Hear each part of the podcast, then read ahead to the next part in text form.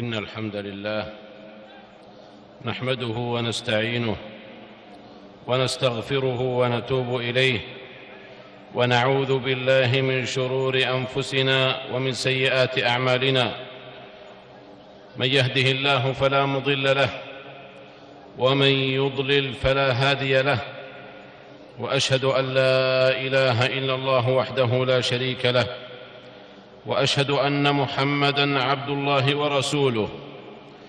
يا أيها الذين آمنوا اتقوا الله حق تقاته ولا تموتن إلا وأنتم مسلمون.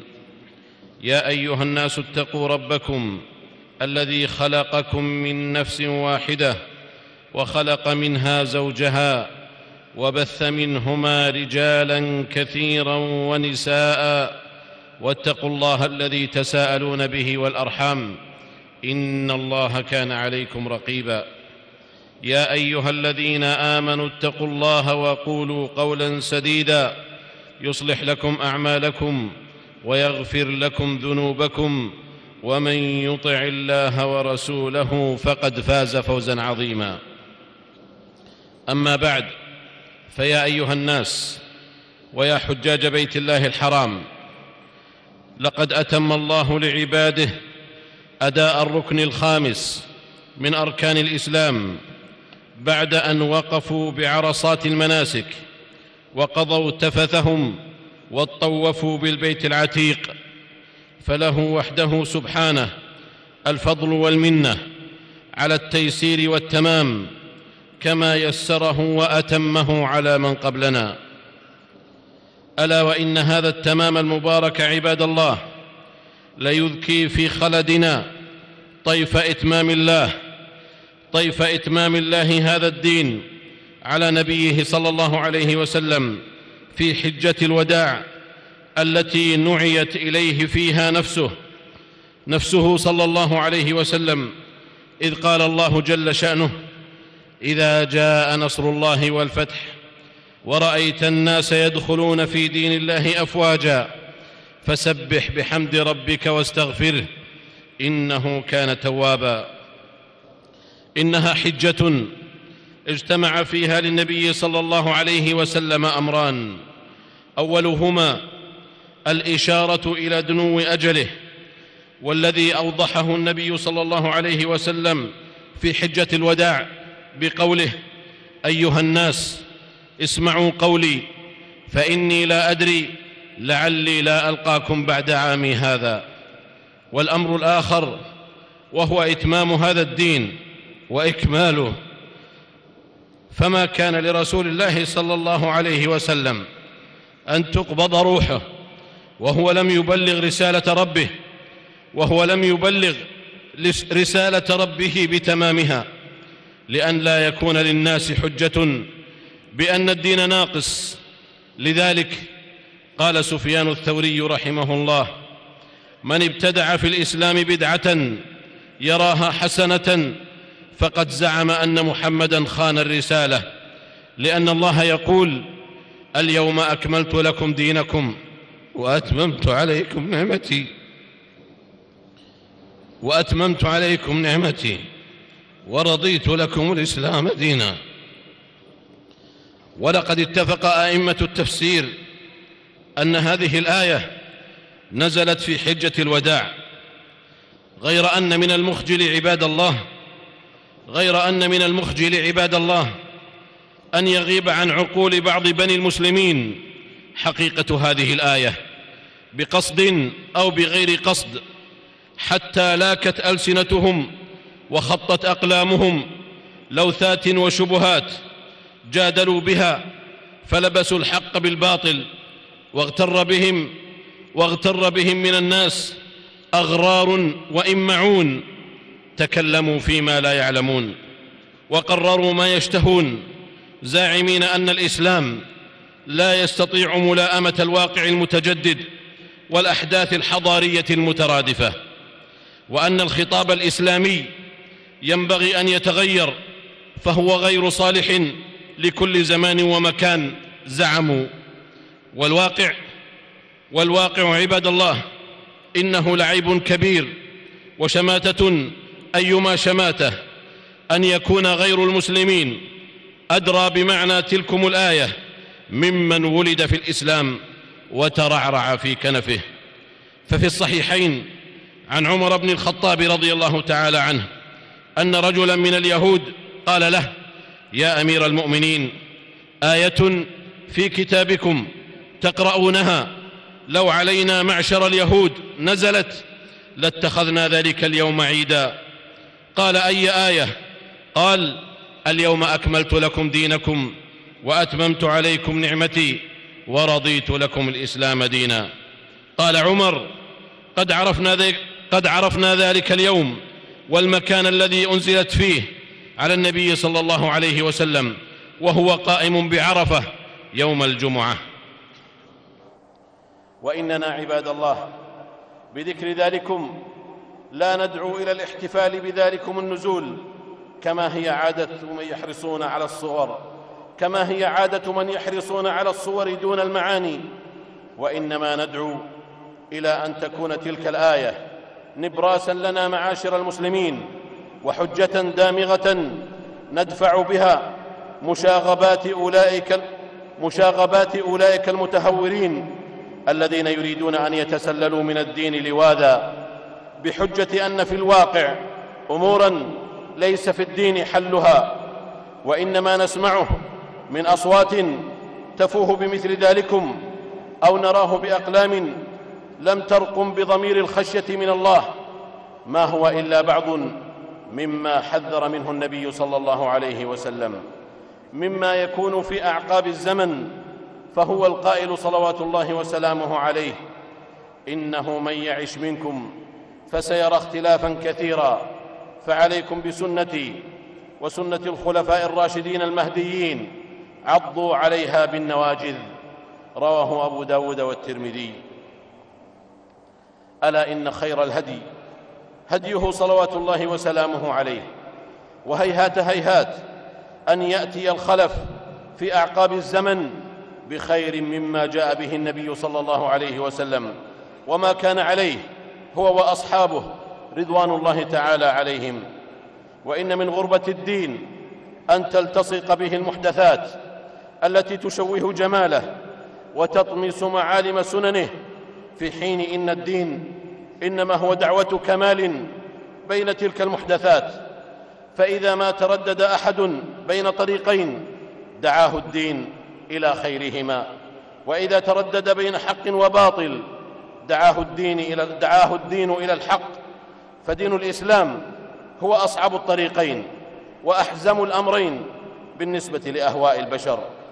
لأن الانحدار مع الهوى من السهولة بمكان لا يحاكي بها.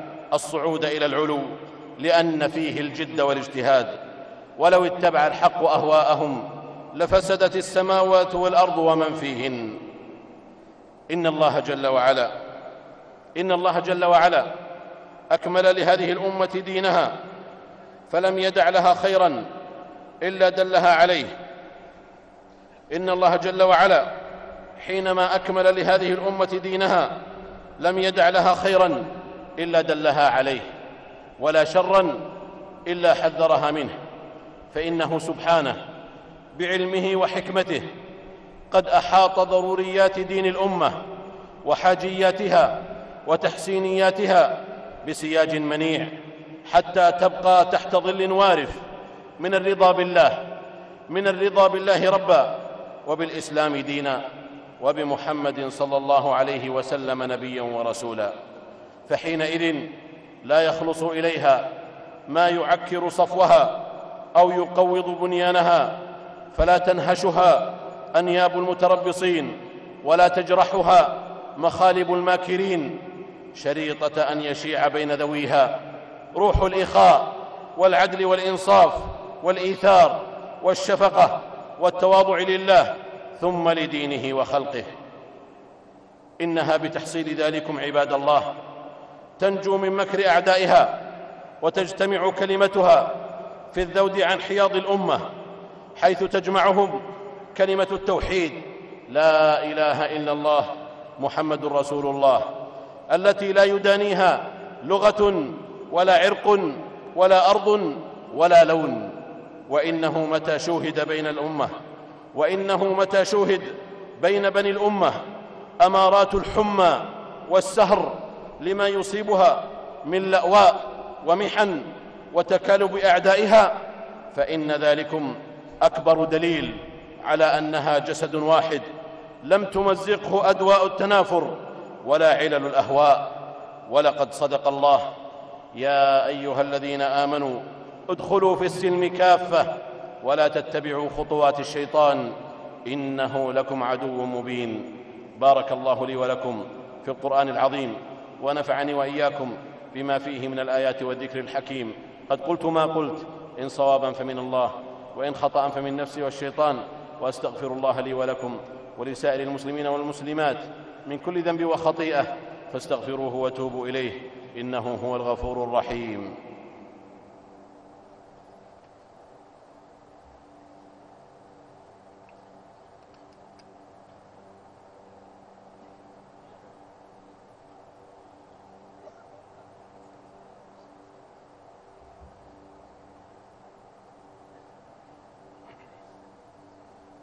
الحمد لله على إحسانه والشكر له على توفيقه وامتنانه.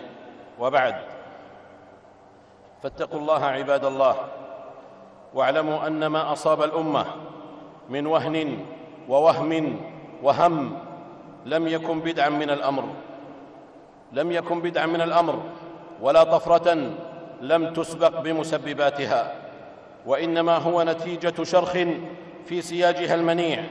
وثقوب تكاثرت في حيطانها على حين غفلة من ترميمها وصيانتها فترادفت عليها حلقات الخطوب حتى أصبحت كل فتنة تحل بها تقول, تقول للأخرى أختي أختي وما أوجاع الشام وما أوجاع الشام إلا خير شاهد على الطغيان والجبروت والظلم والبغي والله لا يحب الظالمين. ألا إن الأمة الموفقة هي تلكم التي تدرك أن حسد القريب أو الصديق قد يفوق في الخطورة عداوة العدو. وإن الأضرار التي تطالها من أغرار بني جلدتها ممن ضعف وازعهم فغلبتهم شهواتهم وشبهاتهم قد تتجاوز في الإضرار ما يصنعه عدوها. لأن في الحسد من دواعي المكر والتربص ما لا يكون في غيره. وقد قيل كل ذي نعمة محسود. ولا أدل على ذلكم من قول يعقوب لابنه عليهما السلام يا بني لا تقصص رؤياك على إخوتك فيكيدوا لك كيدا. إن الشيطان للإنسان عدو مبين. ألا وإن بلاد الحرمين ألا وإن بلاد الحرمين الشريفين حرسها الله لم تسلم من حسدة ماكرين ومتربصين شانئين. يستنشقون البغض يستنشقون البغض والحسد فيستنثرون القعود لها كل مرصد. لما حباها الله من رعاية الحرمين الشريفين مهبط الوحي ومهاجر النبي صلى الله عليه وسلم ورعاية حجاجها ومعتمريها وزائريها فلم يصمت لأولئك لسان ولم يجف لهم قلم في ايذائها بالتحريش والتشويش ولكنها بحمد الله خائبة فلم تلق رجع الصدى لذلكم وإنما يضرب في صخر صلد يوهن يد صاحب المعول فحسب. فلأجل ذلكم كله نؤكد أن لدى بلاد الحرمين حرسها الله ضرورات لا تقبل التلاعب بها ولا التجارب عليها. فمن أراد أن يفرق ما اجتمع منها أو يشوش ما استقر فيها أو أن يبدل أمنها خوفا فلا مكان له بيننا جميعا. بل ستلفظه أفئدتنا وتطاله سياط ألسنتنا وأقلامنا. فضلا عن أن نهايته ستكون فشلا ذريعا ثقة بالله ثم بقوة يد حازمة لا تعرف المزاح الأمني. لا تعرف المزاح الأمني ولا الهرطقات الفكرية ولا مجازفات الفوضى الخلاقة. وإن يد الله على الجماعة ومن شذ عنهم شذ إلى النار بقول الله ومن أصدق من الله قيلا ومن يشاقق الرسول من بعد ما تبين له الهدى ويتبع غير سبيل المؤمنين نوله ما تولى ونصله جهنم وساءت مصيرا. هذا وصلوا رحمكم الله على خير البرية وأزكى البشرية محمد بن عبد الله صاحب الحوض والشفاعة. فقد أمركم الله بأمر بدأ فيه بنفسه وثنى بملائكته المسبحة بقدسه. وايه بكم أيها المؤمنون فقال جل وعلا يا أيها الذين آمنوا صلوا عليه وسلموا تسليما. اللهم صل وسلم على عبدك ورسولك محمد وعلى آله وأصحابه التابع على آله وأصحابه والتابعين لهم بإحسان إلى يوم الدين. وعنا معهم بعفوك وجودك وكرمك يا أرحم الراحمين. اللهم أعز الإسلام والمسلمين واخذل الشرك والمشركين. اللهم انصر دينك وكتابك وسنة نبيك وعبادك المؤمنين. اللهم فرج هم المهمومين من المسلمين ونفس كرب المكروبين واقض الدين عن المدينين واشف مرضانا ومرضى المسلمين وسلم الحجاج والمسافرين. برحمتك يا أرحم الراحمين. اللهم تقبل من الحجاج حجهم. اللهم تقبل من الحجاج حجهم. اللهم ردهم إلى أهلهم سالمين غانمين. يا ذا الجلال والإكرام. اللهم آمنا في أوطاننا وأصلح أئمتنا وولاة أمورنا واجعل ولايتنا في من خافك واتقاك واتبع رضاك يا رب العالمين. اللهم وفق ولي أمرنا لما تحبه وترضاه من الأقوال والأعمال. يا حي يا قيوم. اللهم أصلح له بطانته يا ذا الجلال والإكرام. اللهم آت نفوسنا تقواها وزكها أنت خير من زكاها. أنت وليها ومولاها. اللهم كن لإخواننا المستضعفين في دينهم في سائر الأوطان. اللهم كن لهم في فلسطين وفي الشام وفي العراق وفي اليمن وفي بورما وفي كل ارض يذكر فيها اسمك. يا ذا الجلال والإكرام. اللهم وفق جنودنا المرابطين على الحدود. اللهم وفق جنودنا المرابطين على الحدود. اللهم انصرهم على عدوك وعدوهم. اللهم سدد آراءهم وسهامهم. يا ذا الجلال والإكرام. ربنا آتنا في الدنيا حسنة وفي الآخرة حسنة وقنا عذاب النار. سبحان ربنا رب العزة عما يصفون وسلام على المرسلين وآخر دعوانا أن الحمد لله رب العالمين.